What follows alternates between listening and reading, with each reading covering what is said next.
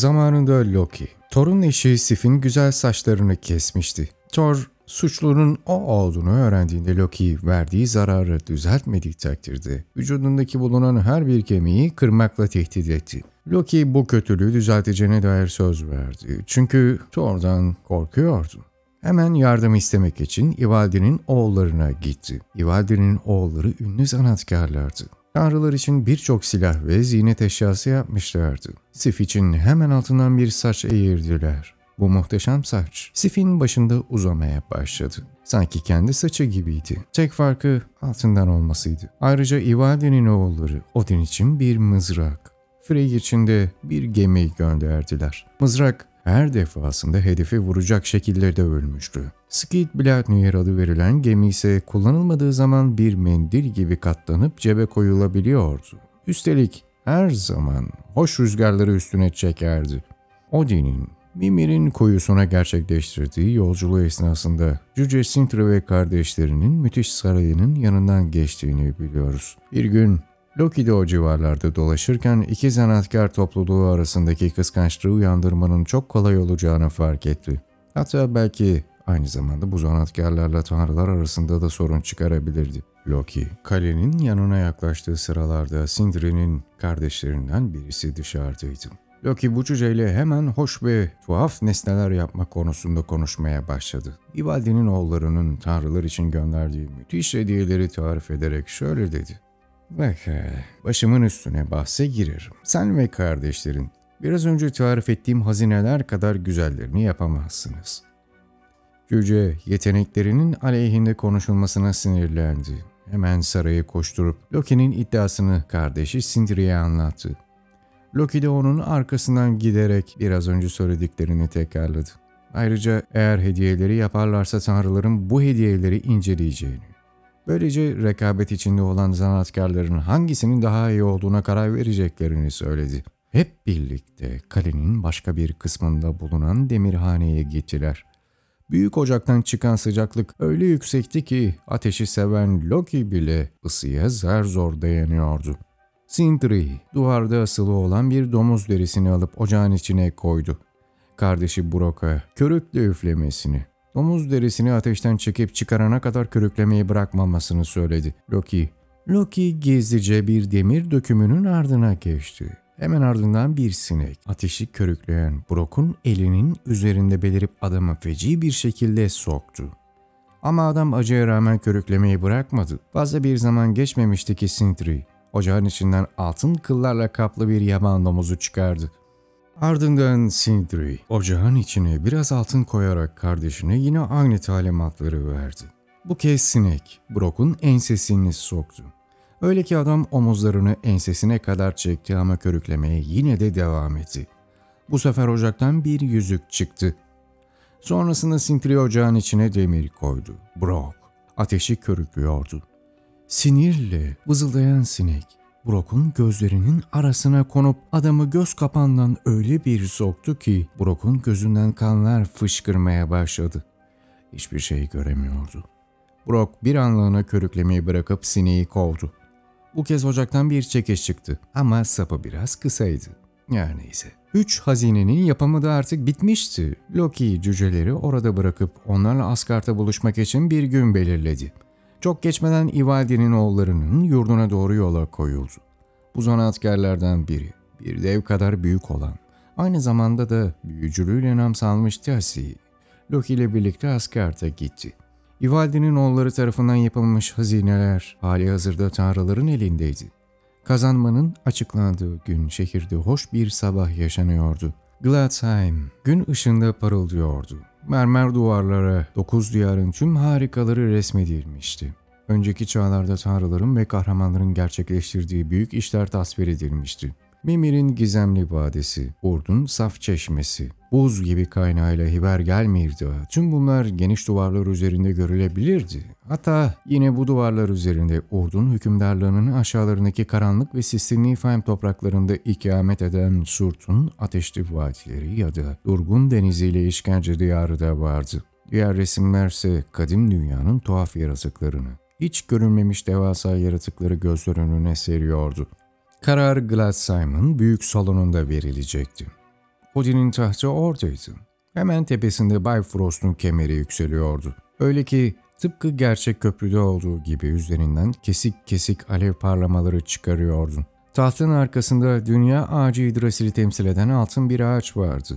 Titrek yaprakları doğu tarafındaki açıklıklardan içeri süzülen gün ışığında parlıyordu. Altın saçlarıyla Sif, salonun ortasında bulunan masaya yakın oturuyordu. Masanın üzerinde yine İvaldi'nin oğulları tarafından yapılan Odin'in mızrağı ve Frey'in gemisi vardı. Vakit gelmişti. Loki dev Tazi ile birlikte içeri girerken tüm gözler devasa kapıya çevrildi. Loki'nin gözlerinde şirret bir memnuniyet ışıltısı vardı. Odin'in önünde eğildikten sonra neşeyle diğer tanrılarla konuşmaya başladı. Tazi mahcup duruyordu. Sanki böylesine bir şaşaya ve güzelliğe alışkın değildi. Odin ve diğer büyük tanrıları selamladı. Sonra da Sif'in yanına oturdu. Sif, onunla konuşmak için beyhude bir çaba gösterdi. Ama Tazi'nin ağzından tek bir söz bile alamadı.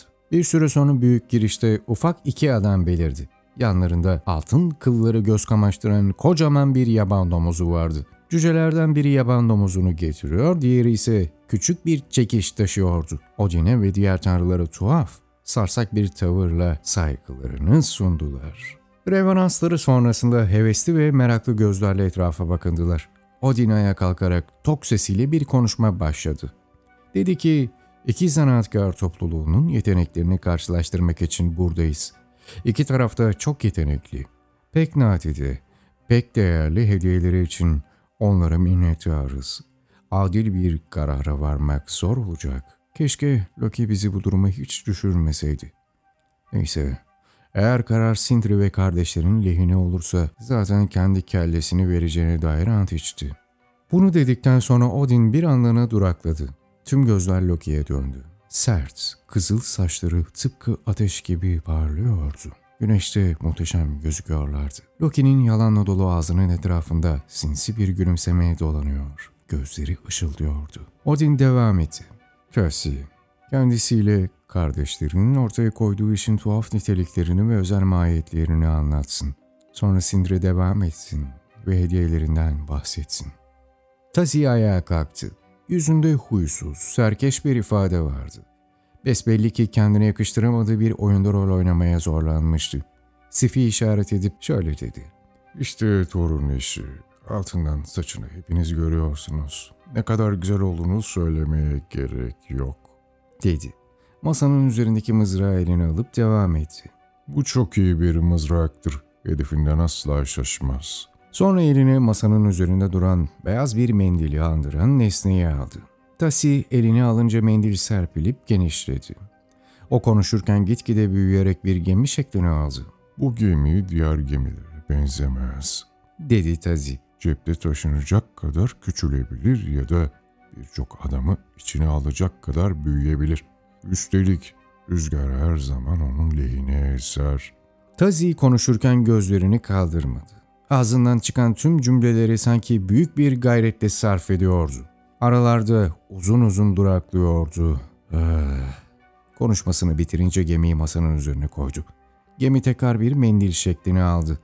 Ardından Sindri öne çıktı. Küçük parlak gözleri fıldır fıldırdı. Yüzünde hevesli ve heyecanlı bir ifade vardı. Kardeşi de hemen yanında dikiliyordu. Onu dikkatle izliyor. Tüm jestlerini takdir ediyordu. Sindri yaban domuzunu işaret etti ve konuşmaya başladı. Bu yaban domuzu ona başlayabileceğim övgülerden daha fazlasını hak ediyor. Altın kıllarının gün ışığında nasıl parladığını zaten görüyorsunuz. Ancak bu kıllar en karanlık gecelerde dahi bu denli parlamaya devam ediyor. Frey, bu yaban domuzuna binip Nilfheim'ın gündüz gözüyle aşabilir. Üstelik öylesine hızlıdır ki sekiz bacaklı Slipnir bile ona yetişemez. Yeter ki sürücüsü istesin. İşte o zaman havada uçabilir, su üzerinde bile sekebilir. Bunları dedikten sonra dikkatle Tazi'ye baktı.